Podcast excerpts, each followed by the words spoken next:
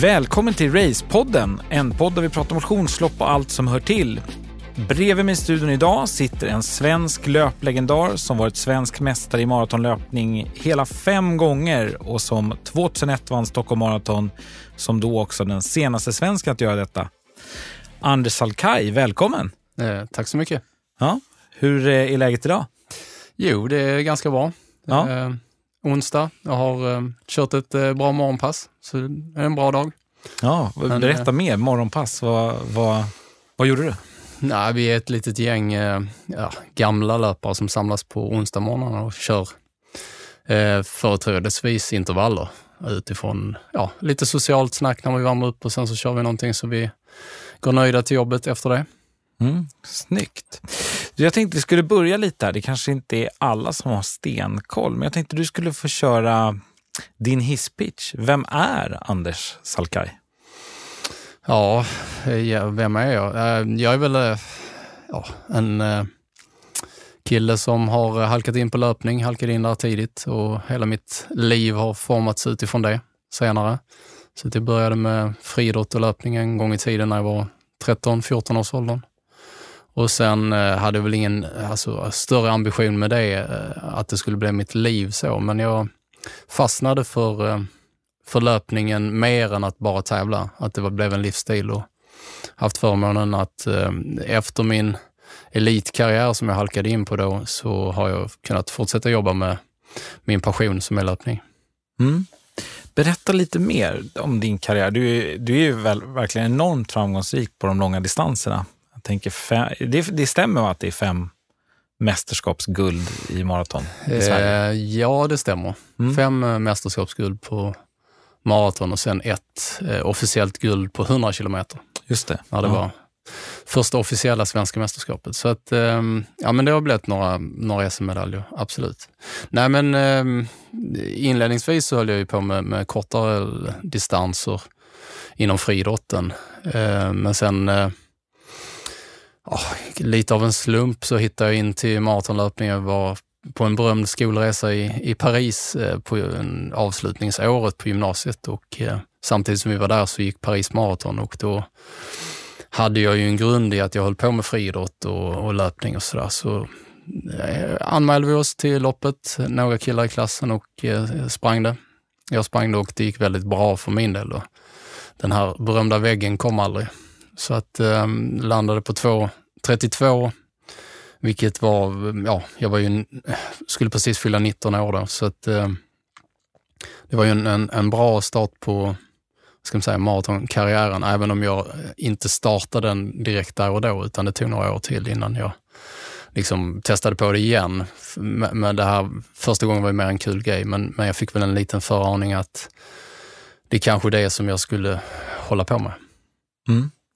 Eh, eh, hur, hur liksom, du, du beskriver det att det är klart att det var en föraning, men hur fick du när det nu dröjde några år? Vad var det som fick dig att liksom ta det där steget? Hur skedde det, den liksom utvecklingen till att bli Maraton-Anders? Ja, men alltså jag, när jag höll på med, med friidrott då så hade jag väl hyfsade framgångar. Jag var aldrig, jag var väl aldrig riktigt bäst liksom i Sverige, utan jag var sådär trea, fyra, femma, någon gång tvåa. Jag var tvåa på ungdoms-SM på 800 meter när jag var 16 eller om jag var 15, jag kommer inte ihåg riktigt, men, men någonstans där. Och sen så vann jag terräng-SM för 18-åringar, junior-SM då. Så jag hade ju lite mm, hyfsade framgångar, men var liksom ändå hade ett antal löpare som var snäppet bättre än mig själv. Men jag tyckte det var fruktansvärt kul ändå, så att säga.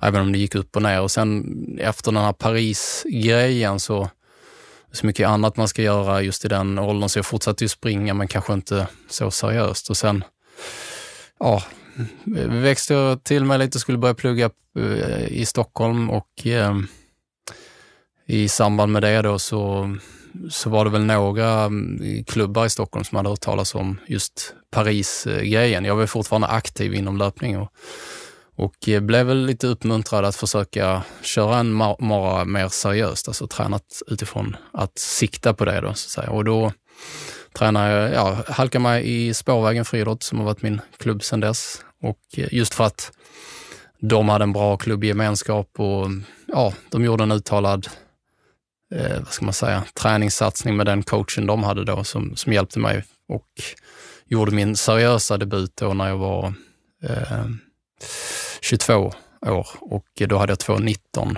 50 och hade väl lite, lite tur med att, att just det året som jag gjorde den här tiden så var svensk maratonlöpning inte så jättebra. Så att säga. Så det var, jag tror att det var näst snabbaste tiden av, av alla i hela Sverige.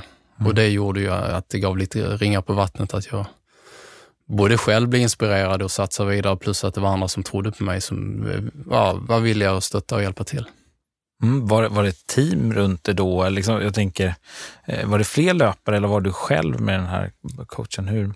Nej, det var, det var ett team. Mm. Alltså, Han hade ju jättemånga. Det var väl det som egentligen gjorde att jag fastnade för spårvägen för, för, från första början. Jag testade och tränade med lite olika klubbar i, i Stockholm. Jag kom ju från Helsingborg så, så jag hade liksom ingen riktig ingång till var jag skulle, var jag skulle ha min löpning när jag väl flyttade till Stockholm. Och då blev det just att eh, i spårvägen kändes det som de hade en väldigt bra en grupp och bra klubbgemenskap och passen man kom till var alltid mycket folk.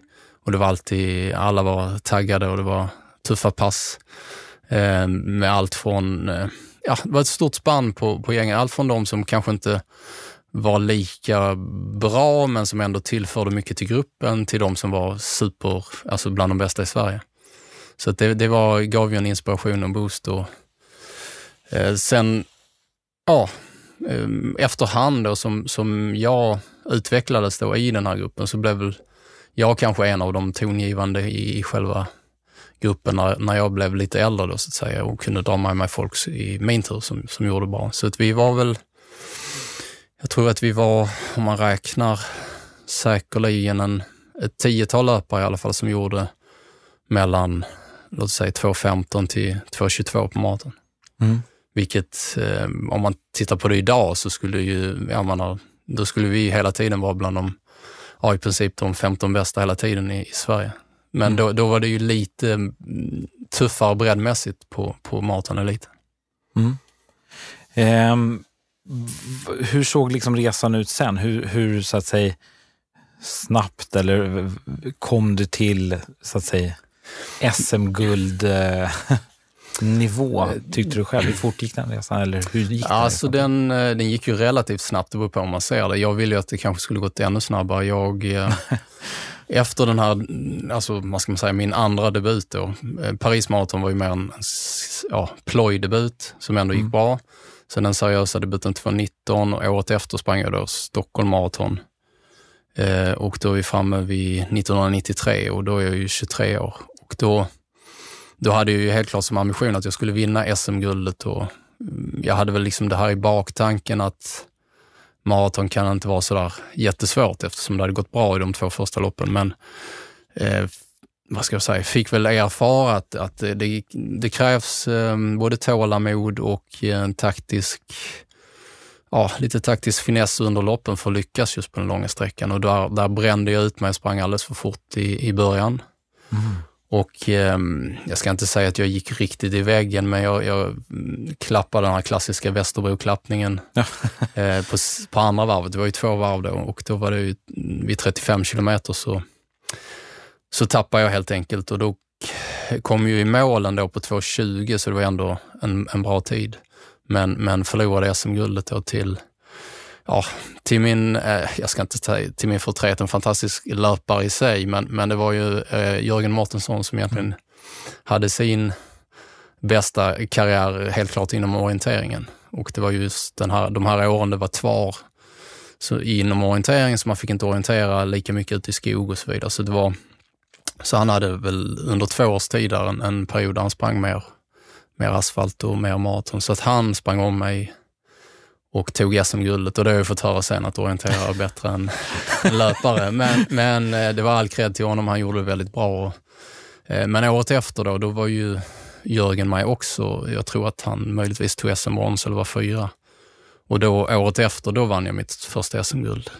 Och eh, plockade nog då Stockholmstiden från 2.20 första året till 2.16 andra året. Mm. Mm. Och sen efter det kan man ju säga att då då var jag på den nivån att jag började kunna bli uttagen till, till mästerskap, eh, åka på EM och VM, eh, till och med OS då 96. Så då var ju hela liksom, karriären igång, även om jag parallellt eh, pluggade på, på GIH i Stockholm. Så var ju ändå liksom min, min fokus var ju att försöka utvecklas och bli så bra som möjligt som löpare.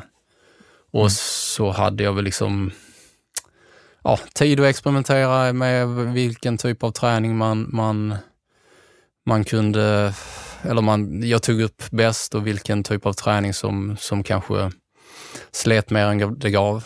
Ehm, men, men det var oerhört roliga år och det var tuff träning men, men rolig träning också. Så det var en period som jag fortfarande idag kan längta tillbaks till när man egentligen, ska man säga, på slutet av, av min tid så drog jag ut på studierna just för, för att kunna träna ännu mer. Så att jag, jag liksom, ja, gjorde lite rest och, och liksom pluggade klart men kunde ändå satsa fullt ut på löpningen. Och då många roliga träningsläger och eh, passade mig också att just springa maraton för då hade man ett fåtal, vad ska man säga, moment om året där man ville, eh, liksom skulle toppa formen. Och då kunde man periodvis då gå ner och, och kanske ja, både experimentera med träning men även liksom ta det lite lugnare och inte satsa lika hårt och sen så liksom gå in i det igen till en ny period eh, och, räkna ner mot ett stort mål. Och jag eh, triggas fortfarande av det här med att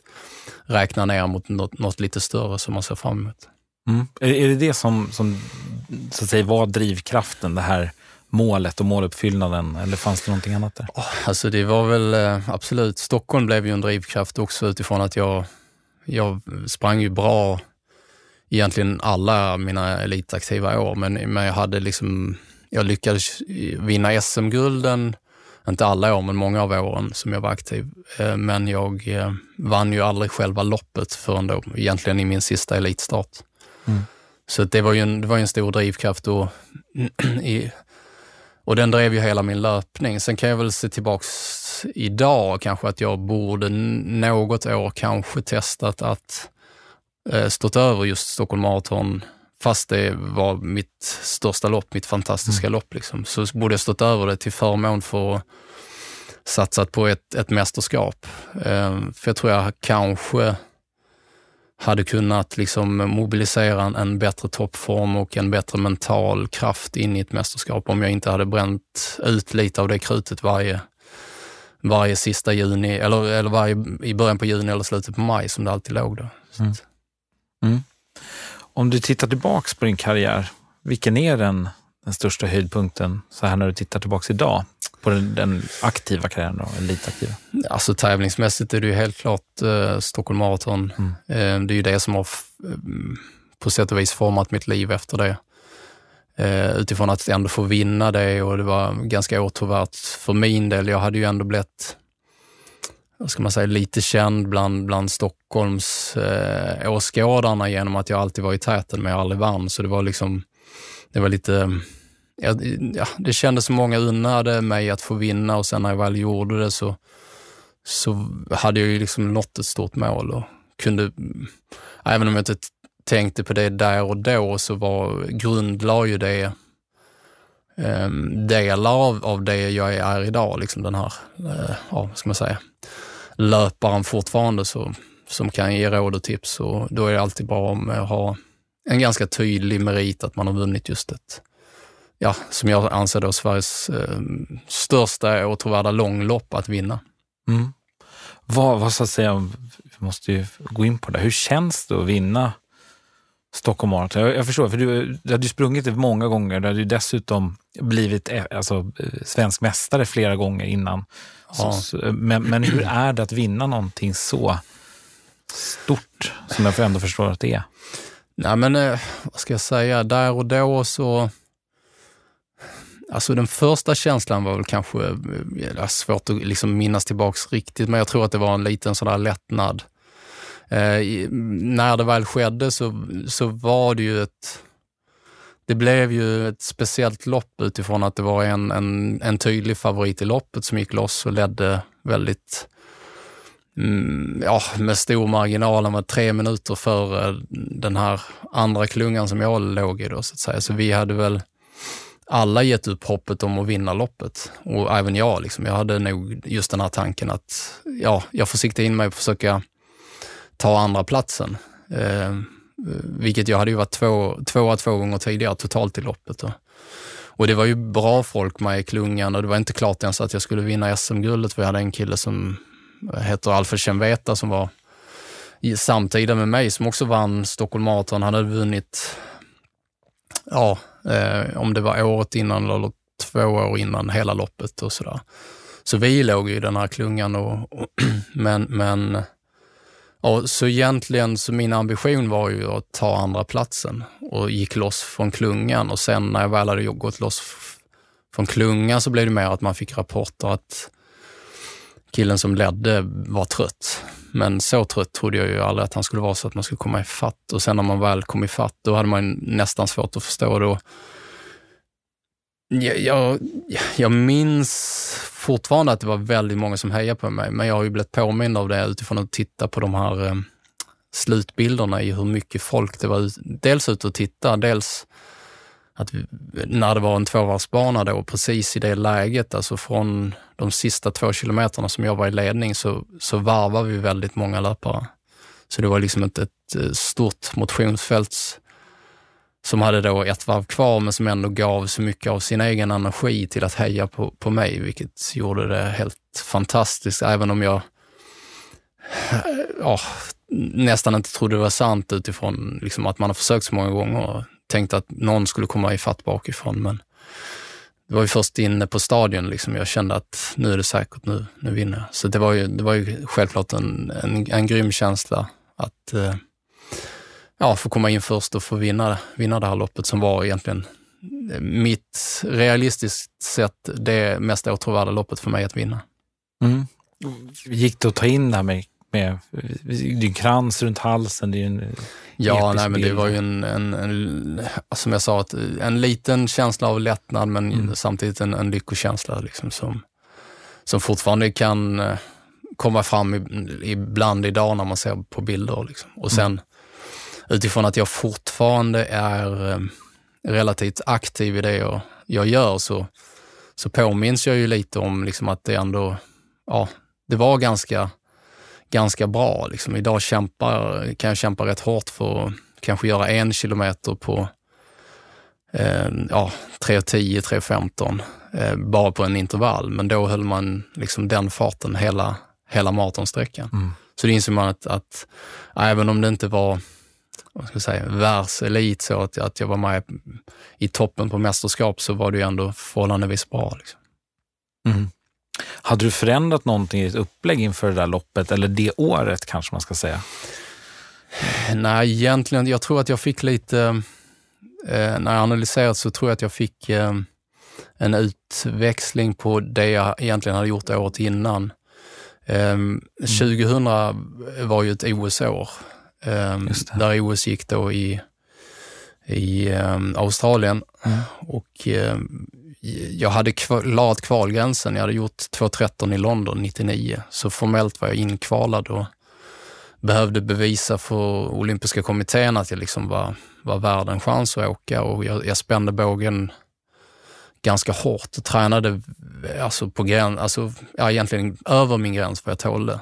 Och eh, blev eh, skadad eh, och kunde liksom inte göra något, något lopp egentligen. Och just 2000, eh, då sprang jag igenom Stockholm, men utan egentligen, då visste jag att jag inte skulle kunna vinna eller någonting. Då, det var mitt sämsta lopp i Stockholm med två, jag tror jag hade 2.23 eller något liknande. Och, ehm, men, men den här skadan gjorde jag aldrig, jag behövde aldrig vila riktigt helt, men den här tuffa träningen jag hade gjort då inför att försöka göra då, bevisa att jag var så bra så att jag skulle få åka på mitt andra OS, den, jag tror att jag hade nytta av den sen liksom när, när skadan försvann och jag liksom kom in i rytmen igen. För sen hösten 2000, då, då levererade jag två bra lopp Eh, och sen 2001 i början på året så satte jag ju mitt personbästa med 2.12. Och sen fortsatte det då ända fram egentligen till, till Stockholm Marathon med att jag höll en väldigt bra och ganska jämn form eh, och tränade hårt, men tränade inte så extremt hårt som jag hade gjort inför det här. Så jag hade liksom höjt, höjt ribban, men sen gått tillbaks lite i träning, tränat mm. lite mindre, men kunde då leva lite på den här riktigt tuffa träningen som hade eh, i grunden då skälpt mig just där och då, men jag tror att jag hade nytta av den sen. Mm. Var du medveten om, om den överträningen då, eller är det något som har kommit efteråt? Nej, det är väl mer efter. Alltså det är ja. klart att jag är medveten om att jag gick över gränsen eftersom mm. jag blev skadad. Ja, liksom. så, men, men eh, där och då så analyserar man kanske inte riktigt rakt av att man tränade för tufft. Mm. Uh, man kan ju säga att på den tiden, jag hade ju blivit min egen tränare och sådär. Så att, och, ja, att vara sin egen tränare är ju en stor fördel utifrån man känner sin kropp bäst av alla. Samtidigt så är man, man kan ju rätt lätt bli inkörd i och, och inte se sina egna misstag. Och man, man lyssnar inte, alltså de råd man ger till andra, de tar man inte till sig själv. utan Så att när jag tittar på vissa liksom, veckor och dagar eh, som jag körde då så inser man, ja men det här, det här var ju för tufft liksom för att, att tåla liksom det. Eh, samtidigt så mm, hade man inte testat det så hade man inte vetat riktigt. Så det kan jag vara nöjd med min, min karriär. Jag tror, jag, jag tror att jag har testat liksom i hur hårt min kropp har kunnat tåla träning och jag tror att jag har fått ut eh, i, i princip allting av den kapacitet jag besitter. Så jag kan liksom inte se tillbaka och säga att ja, jag hade gjort 207 om jag gjort si eller så, utan jag tror att jag maximerade den fysiska kapacitet jag har eller besitter. Eh, det enda jag kan tänka att jag kanske skulle kunna ha gjort annorlunda och bättre, det var väl just ett, att få till ett mästerskap. Och då pratar jag inte om att jag skulle vinna ett guld eller, men, men i alla fall tagit en kanske jag tror jag har kapacitet för att vara topp 10 på ett Europamästerskap eller topp 15 på ett VM. Eh, för det var också just, vad ska man säga, konkurrensmässigt så hade jag väl, kan man ju se tillbaks till det, jag, jag, min eh, största period och även de löparna som var innan mig som var väldigt bra, kom ju innan den, den stora afrikanska, vad ska man säga, dominansen slog igenom. Mm. Så det, var, det var väldigt duktiga afrikanska löpare, men inte alls i den omfattning som det är idag. Det året jag sprang på 2.12, jag tror att det var, det var, två, det var ja, om det var 19 eller 18 stycken löpare i hela världen som gjorde under 2.10. Så man var ganska nära ändå. Idag så är det väl, jag skulle tippa 300-400 löpare som gör under 2.10. Mm. Eh, så att konkurrensen tidsmässigt har blivit oerhört mycket tuffare. Eh, och det är väl det som gör också kanske att svensk och västerländsk maratonlöpning delvis eh, är sämre idag än vad den är. För att, för att man har svårt att hävda sig. Det blir mm. svårare mm. att kunna liksom göra den satsning som jag gjorde. Mm. Um, utifrån att, ja, ja, det är bara alltså, beundras av de afrikanska löparna. Mm. Både kenyanska, etiopiska, det finns ju andra länder också, Sydafrika och ehm, ja, Uganda och så vidare, har ju fantastiskt bra löpare på en väldigt, väldigt, med en väldigt stor elitbredd som, som man kanske är svårt att ens ta in liksom hur, hur verkligt bra de är. Mm. Vad, vad, vad, tror du den utvecklingen beror på? Är det förutsättningar i de länderna? Är det att alltså jag liksom, tror, kulturen? Eller? Kulturen, absolut. Mm. Många, många afrikanska löpare som eh, får förebilder i sin närmiljö. Mm. Som de säger, men, ja, du kan tjäna pengar, Eh, du kan komma hem och bygga ett nytt hus du kan, och så vidare. Du, du kan få ut väldigt mycket av din löpning och det gör ju liksom att man, man säkert triggas av det och sen så tror jag att, att eh, de spårar varandra i träning. Det är ju många som åker ner dit, alltså mm. även västerländska löpare och svenska löpare också som åker ner för att få inspiration och hänga med i de, de stora grupperna som, som kör tuffa pass. Och sen är det ju också så när man har så stor bas då att ta från så, så låt oss säga att det är hundra man som tränar stenhårt liksom, och ja, 20-30 faller bort för att de blir skadade, precis som, för det blir ju även afrikanska löpare, men då är ändå 70 kvar som är bra. Så det gör ju liksom att, att konkurrensen är oerhört tuff ju, um, inom löpning skulle jag säga. Mm. Ja, jag förstår jag. Det är, det är väldigt påtaglig och spännande utveckling ja. och de är ju fantastiskt duktiga verkligen. Eh. Sen, sen kan man ju säga det också just att eh, det har ju också blivit att när jag var som bäst så kanske inte, det kanske, det fanns väl inte riktigt lika många så bra löpare, men framförallt var det inte så många som, som kom ut i världen på det sättet. Idag mm. så har man ju mycket lättare att få hjälp både eh, nationellt av eh, tränare och coacher eh, inom länderna, men även att det är då coacher och managers och så vidare som, som söker sig till de afrikanska länderna och ja, Eh, eh, ska man säga, hjälper eller utnyttjar eller hur man nu ser på det eh, och liksom ändå se till att, att det är många som kommer ut i världen för att tävla. Mm. Ja, spännande. Jag frågade faktiskt, jag hade John Lassell här i förra podden och frågade honom en fråga som jag måste fråga dig nu för jag är nyfiken och det är ju det här inofficiella världsrekordet på, på eller under två timmar. och lite höra, vad, du som, som så att säga, maratonguru i Sverige med maratonlöpare. Hur ser du på det? För det är ju lite kontroversiellt. Absolut. Ehm, ja, men det, det är väl två delar. Nummer ett är väl, och det måste man ändå lyfta, det är en fantastisk prestation.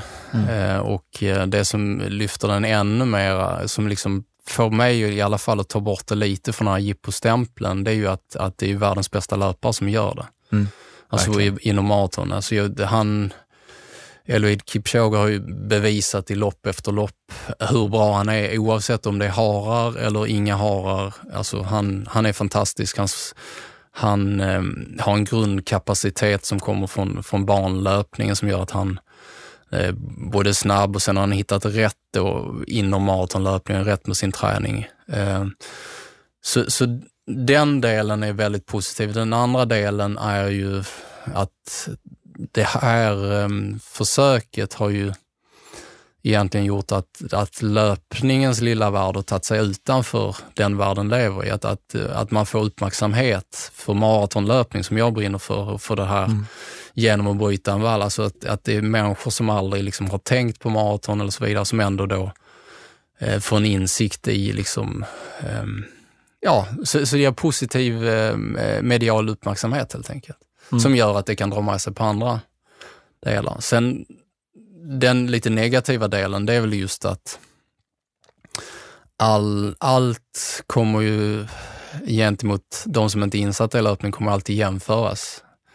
Så jag menar, gör du nu 2.03 på maraton, vilket mm. är ju liksom en Eh, ute på, eller fantastiskt grym tid som, som liksom man bara kan drömma om. Många kan drömma om att aldrig kommer att kunna göra det, men, men det kommer ändå vara, nej men de har gjort det under två timmar. För att det är många som också eh, inte kan se skillnaden i den, den uppbackning som, som det här loppet gjordes under. Och det blir ju alltid en jämförelse som, som gör att de här fantastiska tiderna som görs några minuter långsammare kanske inte kommer uppmärksammas eh, och premieras på samma sätt som de kanske har gjort tidigare. Mm. Tror att vi kommer få se ett officiellt världsrekord någon gång framöver? Jag förstår att det är enormt svårt. Eh, ja, jag tror faktiskt att vi kommer få se det utifrån... Eller förlåt, ett världsrekord, men under två timmar. Ja, alltså ja. under två timmar mm. i, i ett riktigt faktiskt mm. lopp. Um, jag, jag, tror att det skulle kunna vara möjligt utifrån, eh, nu när vi sitter här så avgjordes New York Marathon mm. nyligen. Just det. Och eh, den vanns av eh, Geoffrey Camoro som har Eloid Kipchoge då som sin mentor och på det sättet han sprang och på det, det, han är relativt ung fortfarande, om han kan då få, få hjälp på ett eller annat sätt. Eh, eller om Kipchoge själv kan eh, behålla den fantastiska kapacitet han har under kanske två, tre års tid till och där man avsätter dedikerat ändå en, en klunga, en verklig farthållarklunga som kanske kan hjälpa eh, han eller någon annan upp till, låt oss säga 30-32 kilometer. Och utifrån den form som han visade på det här loppet som han ändå då sprang under två timmar så tror jag att han han skulle kunna klara att springa de här sista biten själv. Mm. Men, men ähm, ja, det, det som var speciellt med det här loppet eh, som man ändå gjorde var ju också det att man hade ett window i vilken dag man skulle springa.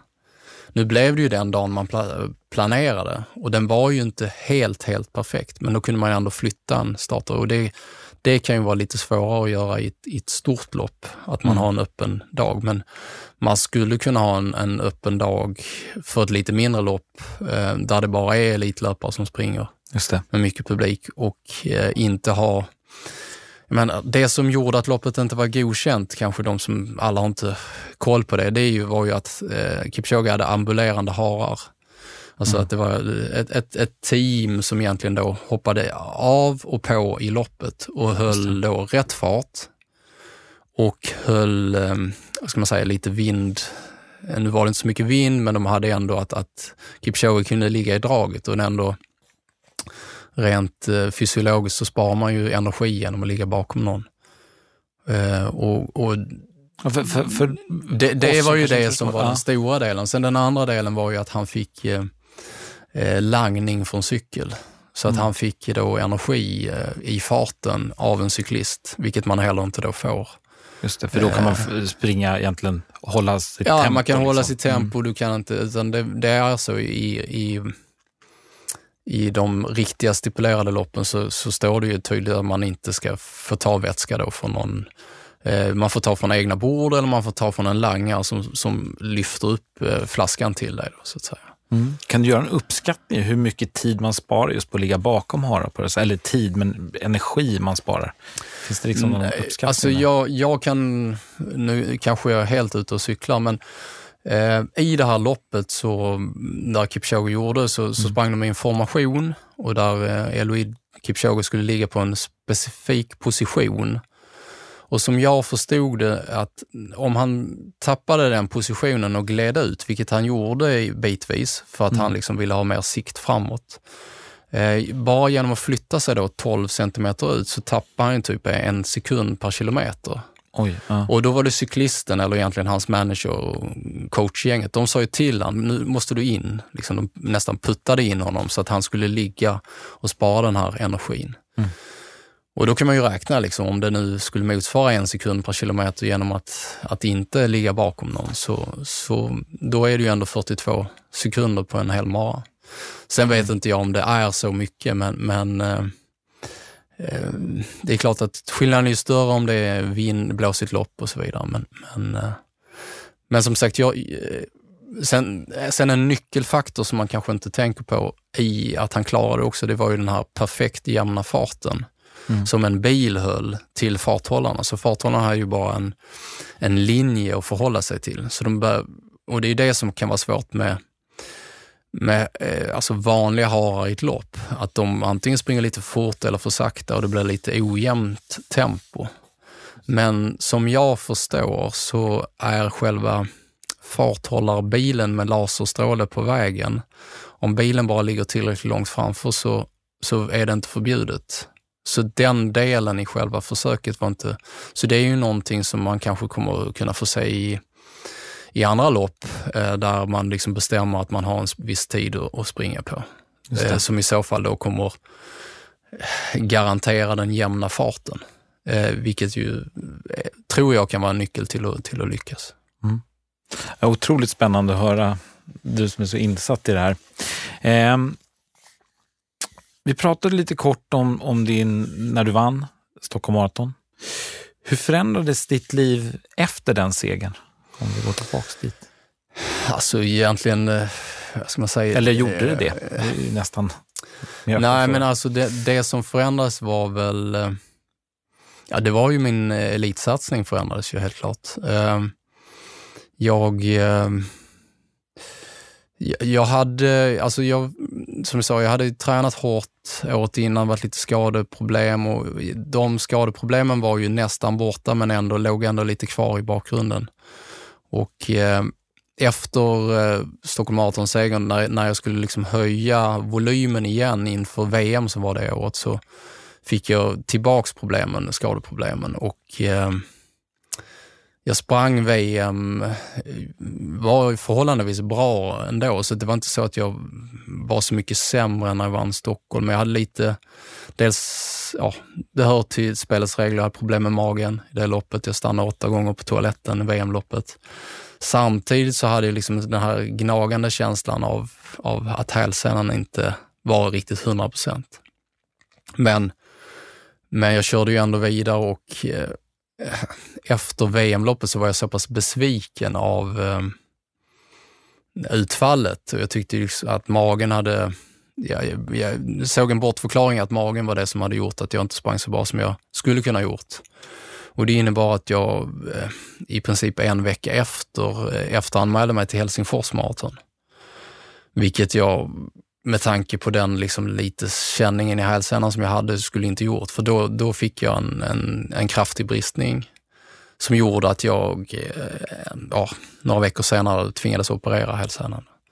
Så då opererade jag den och eh, hade väl som ambition helt klart att komma, komma tillbaks till den nivå jag hade haft innan. Men eh, ja, det var, en, det var en lång rehabperiod. Eh, mm. Kände att jag inte riktigt nådde det, men, men i, vad ska man säga, första riktiga loppet som jag skulle köra, liksom, jag tänkte att nu är jag tillbaks. Liksom. Då, när den här tröttheten kom så kom den här tanken att, um,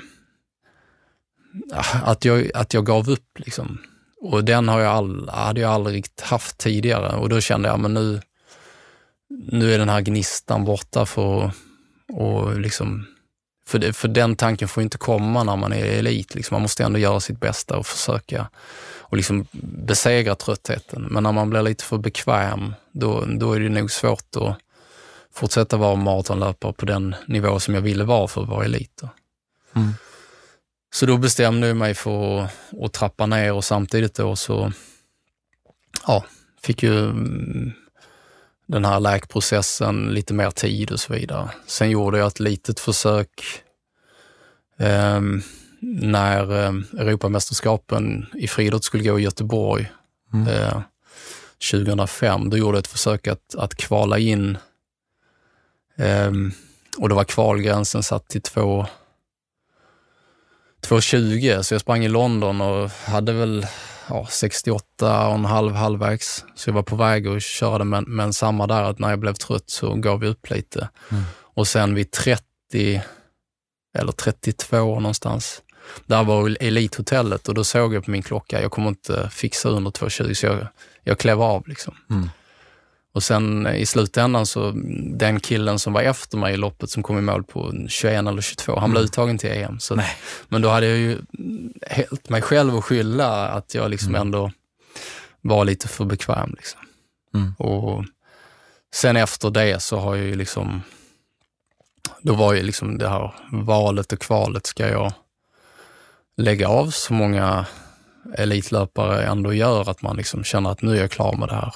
Um, men, men jag, jag kände en så en, en liten tomhet i att inte liksom ha det här lilla tävlingsmomentet. Även om jag visste att jag kommer inte prestera på samma nivå längre. Eh, och ja, Någonstans förlikade jag mig med det och tyckte att det var kul att fortsätta. Och det gör jag ju fortfarande än idag. Liksom. Och det är många som frågar, men hur, hur orkar du liksom springa på 2.40 och vara nöjd. Liksom. Jag gör 2.39 och så är jag nöjd för jag går under en gräns. Men jag är så långt ifrån där jag var som elit så att det borde, ja, många tycker ju inte det är kul så att säga. Men, men jag tycker ändå att jag kan hitta en utmaning i att eh, prestera så bra som möjligt utifrån den livssituation jag har idag.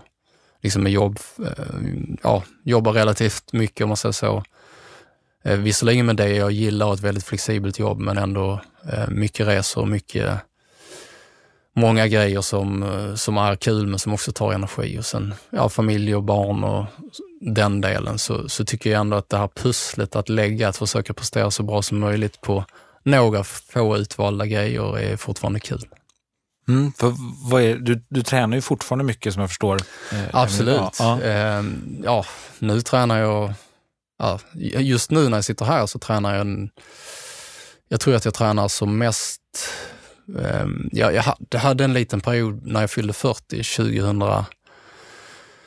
2011 blev det då. Nej, 2010, förlåt. Ehm, då sprang jag, tränade lite extra och gjorde 2.26 på Stockholm Marathon. Mm. Ehm, och nu har jag en liten sån här, ja, ålderskris igen då, när det blir nästa, nästa nivå upp. Mm. Så, så, att, så nu tycker jag det är oerhört kul.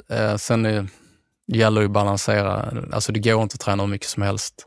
Kroppen pallar inte det. Men, men jag, just nu tycker jag det är oerhört kul och ja, ska jag säga, sista ja, åtta veckorna sedan jag liksom körde igång där, nu ska jag försöka vara seriös och träna lite mer igen. Så jag liksom ligger på mellan 9 och 13 mil i veckan, vilket är ju mm. relativt mycket för att vara motionär om man säger wow, så. Ja, verkligen. Vad, vad är det som driver dig idag i din träning? Nej, men just nu är det då en, ett, ett lopp liksom som jag har satt mm. upp som jag vill prestera bra i. Eh, sen vet jag att, liksom att gränsen mellan att prestera bra och, och då, då utgår jag från bra utifrån mina förutsättningar, eh, utifrån där jag är idag. Men, men jag vill ändå prestera och liksom träna seriöst till det. Det är ju, det är ju en drivkraft helt klart. Och liksom se hur... Samtidigt så vet jag att gränsen är, är ju ganska tunn där med, med att gå över gränsen när man... Så det gäller att balansera det, men, men eh, peppar peppar. Ja, vi får se. Det är mm. Boston Marathon i alla fall. Ja, det är Boston. Jag tänkte ja. fråga, vågar du outa vilket det är? Ja, absolut. Nej, men det är inget, alltså jag har ingen, ingen såg och alltså jag är för, dels är jag för gammal, dels spelar inte så stor roll om jag misslyckas. Eh, eller det spelar egentligen ingen som helst roll om jag misslyckas. Mm. Det är klart att man blir ledsen liksom sådär lite. Men det är ju någonting jag kan skaka av mig rätt fort. Alltså halva grejen, eller mer än halva grejen, är ju den träningen jag gör fram till det. Att jag tycker det är kul mm. med det här målinriktade. Jag tycker det är kul att köra, köra ja, men, strukturerat, så strukturerat det går utifrån den vardag jag har. Mm. Och försöka maximera det. Liksom. Så det och experimenterar nu liksom med att köra, ska jag säga, eh, ja, dubbelpass igen. Där liksom jag kör två pass om dagen. För att istället då kunna ha en dag som är riktigt lugn eller vilar helt.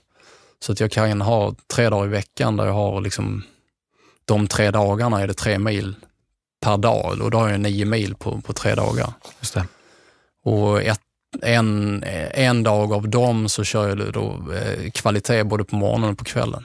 Eh, så att då kör jag liksom, inte jättetufft, men ändå liksom att mm, ja, 90 procent på morgonen liksom i någon form av intervall eller tröskel och sen så kör jag, upprepar jag det på kvällen. Mm. Och eh, det är lite nytt, äh, inte nytt för mig så, det har jag gjort på, under min elittid, men att göra det igen som motionär eller jag har egentligen aldrig gjort det som motionär, men, men nu testar jag det.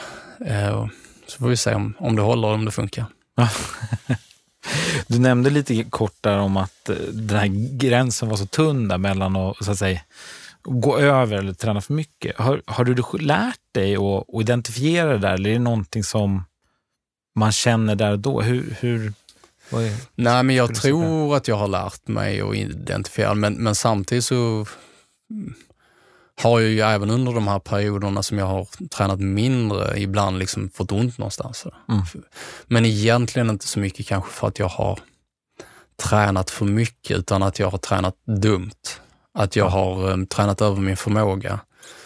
Uh, det kan vara, alltså, vara sådana här enkla grejer som att man, man kör med en grupp och så, så gruppen kör lite hårdare än tuffare än, än vad jag själv egentligen klarar av. Men eftersom man är sugen på tuff träning och man är liksom lite tävlingsinriktad så, så hänger man med i, i för kraftig belastning i förhållande till vad kroppen tål och där och då funkar det men sen efter passet så känner man att man har gått över och så får man ont någonstans. Mm. Så det är väl den balansen som det gäller liksom att, att inte, inte trampa över där igen. Mm. Och, och det, när jag har trampat över tidigare så har det inte gjort så mycket för det gör inte så, alltså i mitt liv spelar det inte så stor roll Eh, det spelar stor roll om jag inte kan springa, men om jag inte liksom kan eh, Alltså att jag inte kan köra kvalitet eller så, det spelar inte så jättestor roll såvida inte jag satt upp ett mål liksom på det. Men, men jag vill ju helst undvika att bli skadad så att jag inte kan göra det som är min livspassion. För jag, ja, jag är, det är ju så, jag, jag har inte kunnat hitta någonting annat som kan ersätta just löpningen i, i mitt liv. Liksom. Det är möjligt, jag kanske, någon gång måste jag säkert göra det, men, men just nu så känns det som att det är där jag får stimulans, det är där jag får avkoppling, det är där jag eh, ja, träffar mina kompisar. Eh, det är där, alltså, jag har så mycket i löpning, det är där jag får vara själv. Eh, alltså, ja, ute bara med mina egna tankar, lyssna på musik, lyssna, eh, ja, njuta av naturen, springa på löpband, alltså all den här blandningen. Liksom. Jag, jag känner att, att löpningen är det som ger mig allt det. Eh, och det ger ju mig det ännu mer när jag är vältränad, för då kan man ju verkligen ha, ha pass som man liksom kan njuta av. Liksom. Man kan bara gå ut och springa 20 kilometer och inte vara trött, utan bara känna att fan vad här, härligt det här är. Och, eh, eh, ja, de, de tillfällena får man ju mycket energi av. Så att säga. Mm. Har du, eh, du ska springa Boston Marathon, ja. vad vi pratade om. Har du något annat lopp som är liksom ditt favoritlopp? Stockholm kanske? Stockholm är, ju mitt ja. Eh, favoritlopp, absolut. Mm. Det, är ju, det, det, har jag försökt springa varje, varje år egentligen. Mm. Sen, sen jag la av, eh, jag hade några år precis när jag la av där jag liksom var, så här, var lite kvalet och plus mm. att jag hade opererat hälsenan och så vidare. Så där hade jag ju väl en tre, fyra år där jag antingen bröt loppet eller sprang som farthållare eller, eller inte startade alls. Men sen, eh, jag kommer inte ihåg vilket år det, jag började igen, då har jag sprungit alla. Eh, men i år så klev jag av på grund av eh, att jag, ja, hade ont helt enkelt. Jag, mm. um, och då tyckte jag inte det riktigt var värt, värt det. Det kändes som att jag skulle kunna förvärra en, en skada så pass mycket så att jag kanske skulle inte kunna springa på hela sommaren och då tyckte jag just det här beslutet i att, ja men då, då kliver jag hellre av än att...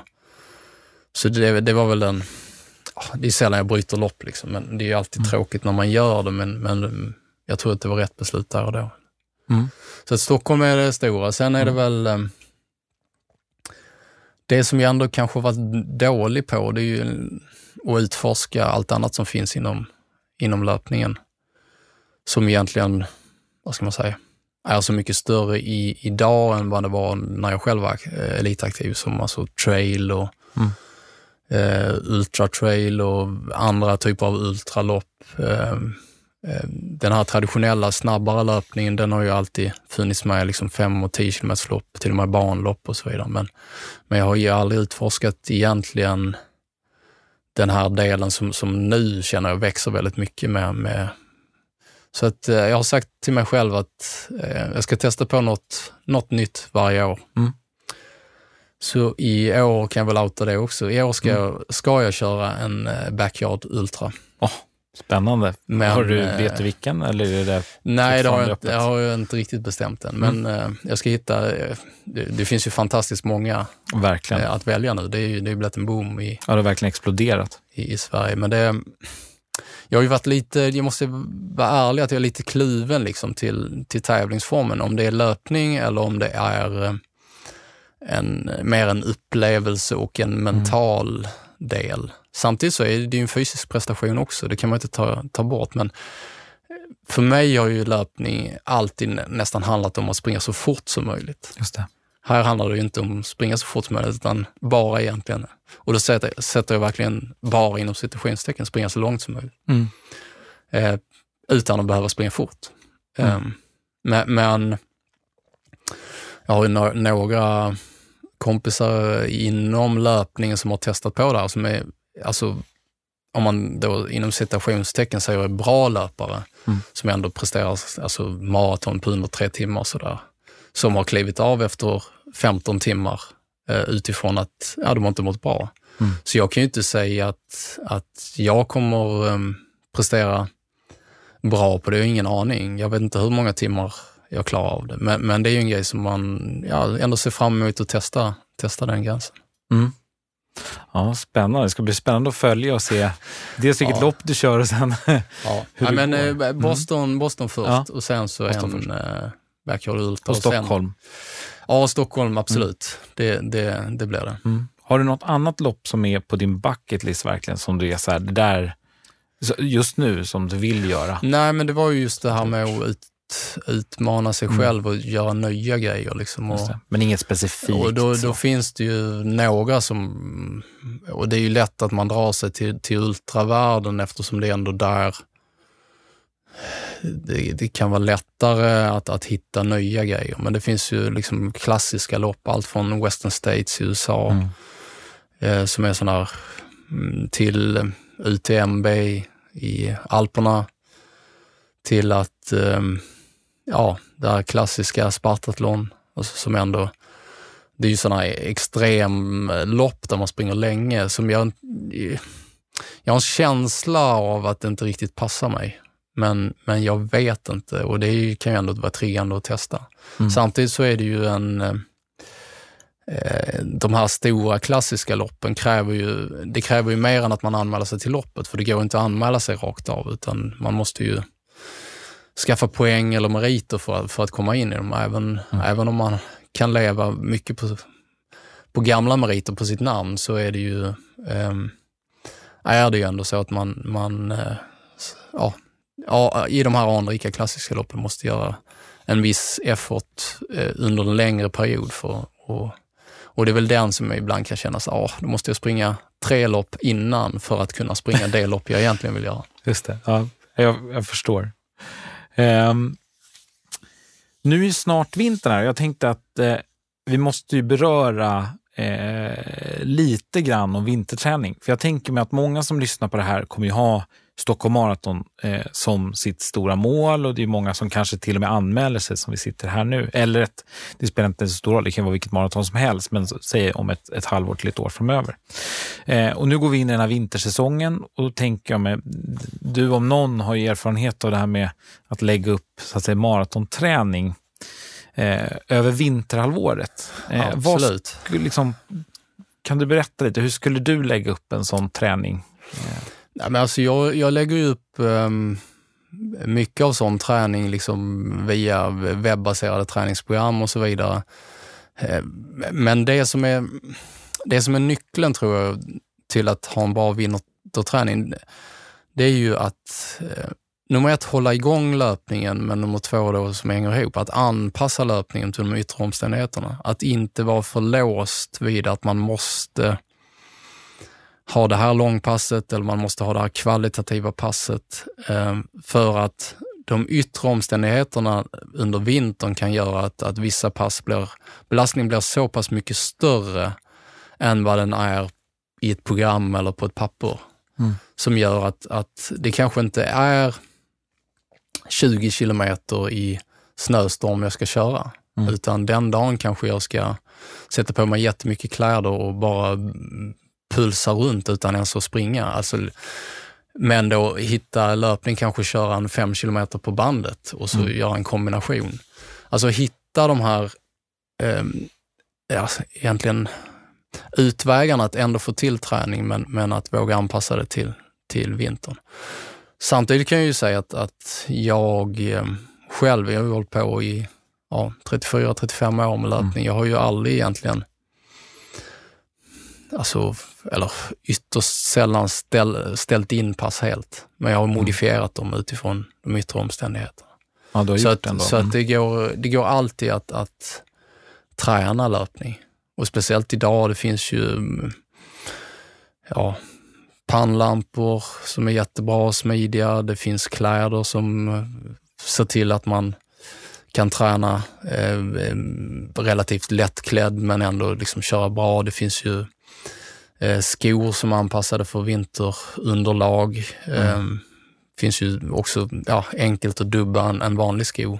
Så att det går ju att anpassa eh, utrustningen väldigt, väldigt bra liksom, så att man, man kör den. Så att jag tänker ändå de som siktar på maran liksom, ändå har någon slags grundtanke i att, att mörkret, kylan och eventuell halka ska inte liksom skrämma bort träningen utan ändå ha med att eh, regelbunden träning under den här perioden kommer göra våren så fantastiskt mycket lättare. Det kommer betala tillbaka sig.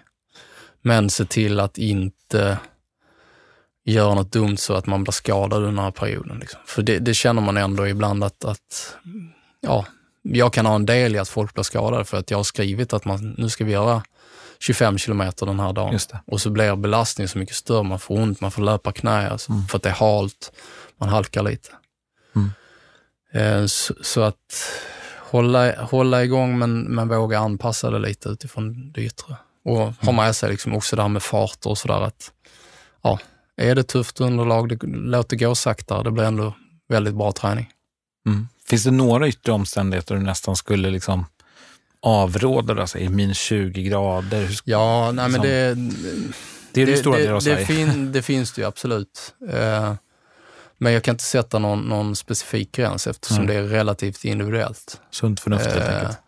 Ja, men en, en del löpare får problem tidigt. Man mm. kanske har någon typ av astmaproblematik och så vidare som man kanske gör att man nej men andningen funkar inte om det är mer än minus fem. Då kanske det är limiten för någon. Någon annan ja, funkar för minus 20 om man bara kör tillräckligt lugnt.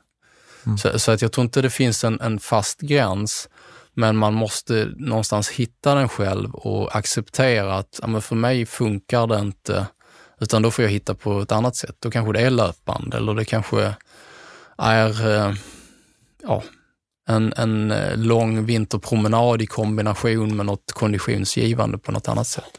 Mm. Så, så, att eh, det är alltid, eller man ska aldrig sätta pekpinnar liksom till mm. folk och inte heller säga, ja men du kan köra vinterträning.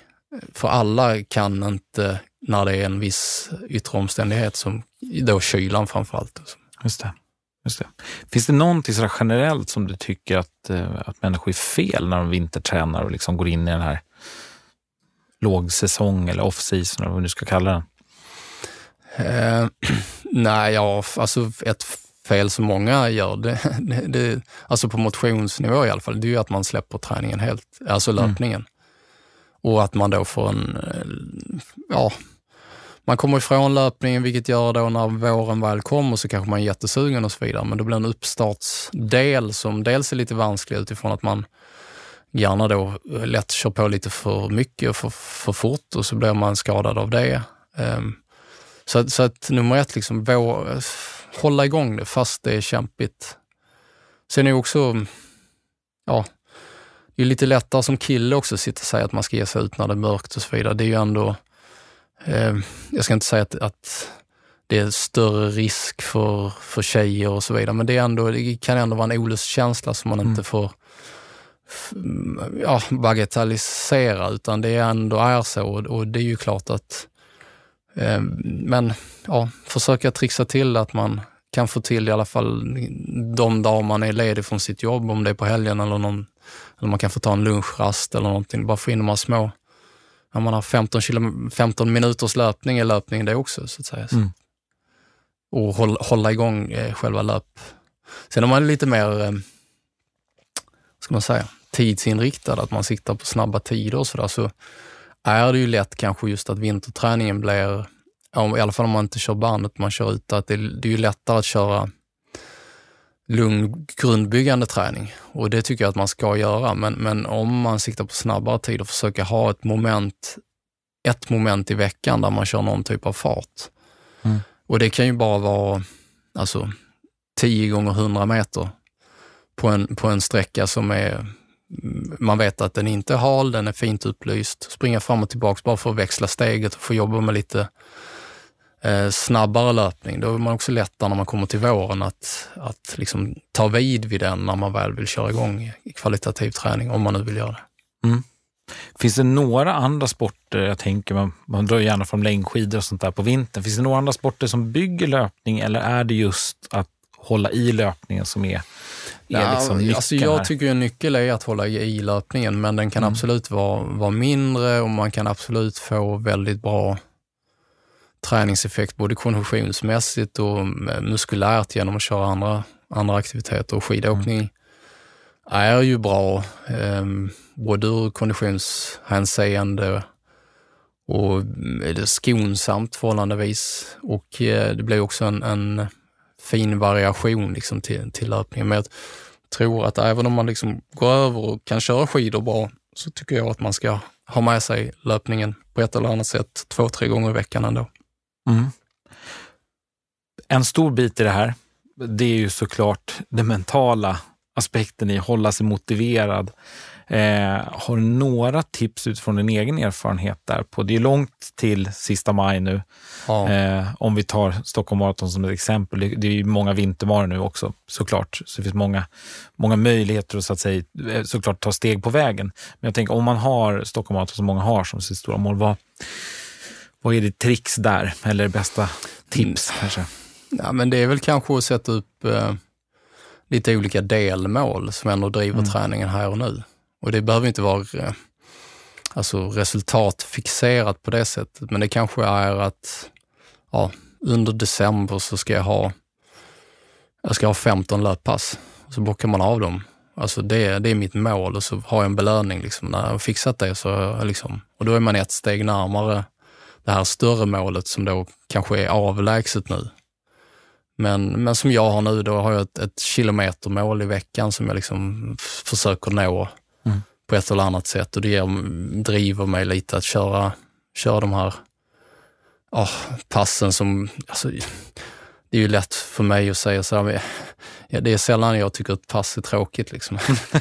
jag, jag, jag, vet inte, jag är väl konstig på det sättet. Jag, jag tycker det är jag kan, kan, alltid hitta en tjusning. Även när det går som tyngst så är det ju, då har man ju belöningen efteråt att man har genomfört det trots att det inte var ens bästa dag. Liksom.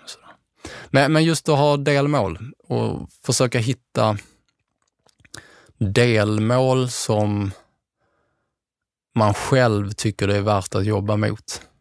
Så det, det är lätt att, att någon utifrån sätter upp ett liksom, delmål, men man måste vara med på det själv och tycka att det på något sätt är triggande. Och det mm. ja, finns ju allt från liksom, träningsstreakar. Det kan ju också vara att man anmäler sig till några, något mindre lopp som mm. man känner att man vill ha eller så eh, sätter man upp några så gemensamma mål om man vill ha träningskompisar, att man liksom, nej men vi ska ses en gång i veckan hela mm. vintern. Just det. Och, och, nu tummar vi inte på det, utan den tiden, den och så hittar vi på liksom något varierat kul, kul pass som är anpassat till vintern. Mm. Så, så delmål, absolut, är väl ett kanske tråkigt tips, men det är väl det som jag ändå känner att, ja. men, men hitta det som man själv kan, kan gå igång på att ändå och liksom räkna ner mot det och då kommer man beta av månad för månad. Mm.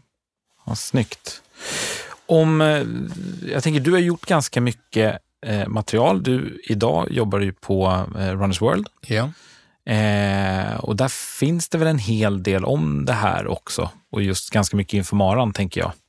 Eh, Absolut. Det Nej, men det, material där, va? Jag har ju, som sagt, jag har ju jobbat på eh, maratongruppen som gör maratonloppet mm, tidigare och där har vi haft mycket material och sen mm. har jag ju parallellt har jag även skrivit för, för Runners World innan jag liksom tog steget över och jobbar på Runners World fullt ut. Så, mm. så båda sidorna har ju mycket material att kunna hämta och idag är det ju eh, Idag går det ju att hitta inspiration på så många olika sätt. Mm. Eh, både motivation och, eh, vad ska man säga, inspiration men även guidning. Liksom. Mm. Så det finns ju både på ja, Runs World har mycket både via tidningen och via hemsidan. Sen mm. finns det ju mycket, ja, Eh, idag, de här sociala gemenskaperna eh, där man kan inspireras av enskilda personer. Som, eh, men även liksom träna i, i olika typer av, av träningsgrupper om man inspireras av att träna med andra. Så det, det, ja, det finns, finns mycket. Det är väl mer mm. att sålla, sålla rätt, liksom, hitta det som triggar en själv. Och, mm. eh, sen tycker jag inte att inom löpning finns ju egentligen inget sådär, ja men det här är rätt eller det här är fel, utan det gäller mm. bara att hitta det som är rätt för mig mm. och ta bort det som är fel för mig. Mm. Eh, det är väl den, alltså hitta det spåret så att säga. Mm. Och, och, så därför tycker jag inte liksom att, ja, man kan inte säga att den, ja men den ska du inte lyssna på, eller inte mm. den. För det, jag tror att alla som på ett eller annat sätt eh, motiverar och inspirerar har, har en, en, en roll i, i löpningen. Liksom på det mm. Och det kan vara allt från ja, den person man själv är, inspirerar andra och så vidare. Så, så att, um, ja. Mm. Ta del av det som finns men försöka hitta liksom i att det här triggar mig och det här är bra för mig. Och sen om man testar på något annat, men det funkar inte för mig, då behöver man inte göra det. Utan. Mm. Superbra. Jättestort eh, tack Anders för eh, att du kom hit idag. Jag har en sista fråga till dig faktiskt. Ja. Och det är, tror du att vi kommer få se en svensk löpare som mästare i Stockholm Marathon inom fem år? Absolut, det tror jag. Mm. Um, och har väl... du något hett namntips? Nej, men jag, vad ska jag säga, nu, nu är vår allas kära eh, Mustafa Musse Mohammed är ju mm. gammal nu. Mm. Eh, han har ju fyllt 40 år här i år, eh, men vi pratade lite om New York Marathon tidigare. Han sprang ett fantastiskt New York Marathon där han mm. öppnade väldigt tufft. Tog i och för sig, jag ska inte säga att han tog slut, men han tappade ju väldigt mycket på, på framförallt sista, sista milen, vilket man gör och, och eftersom jag har sprungit New York själv elva gånger så vet jag liksom hur tuff just den delen är. Men jag tror att han fick med sig en väldigt positiv mental bild i att han vågar, trots liksom ålder och så vidare, han vågar gå med, han vågar köra. Jag tror att han, kan han bara få träna vidare så, där, så verkar han ha glöden och gnistan för att försöka vinna. Sen har ju inte hans ja, det är ändå så att man har ett, han har inte så många år på sig så att säga, utan han har en väldigt lång karriär. Men jag, som jag kände när jag har pratat med honom så skulle han mycket väl kunna, tror jag, gå igång på att försöka vinna, vinna loppet. Mm. Sen har vi ju andra som kommer där bakom. David Nilsson har ju visat i år att han är också tagit det här steget där han inte har respekt egentligen för farter och tider längre utan Um, ja, 2.11.50 sprang han på i Berlin plus att han har gjort um, snabba halvmar och uh, liksom, jag tror att han, eller generellt sett så tror jag att svenska löpare i det här elitskiktet då, de, de har haft lite för stor respekt någonstans för maratonlöpningen.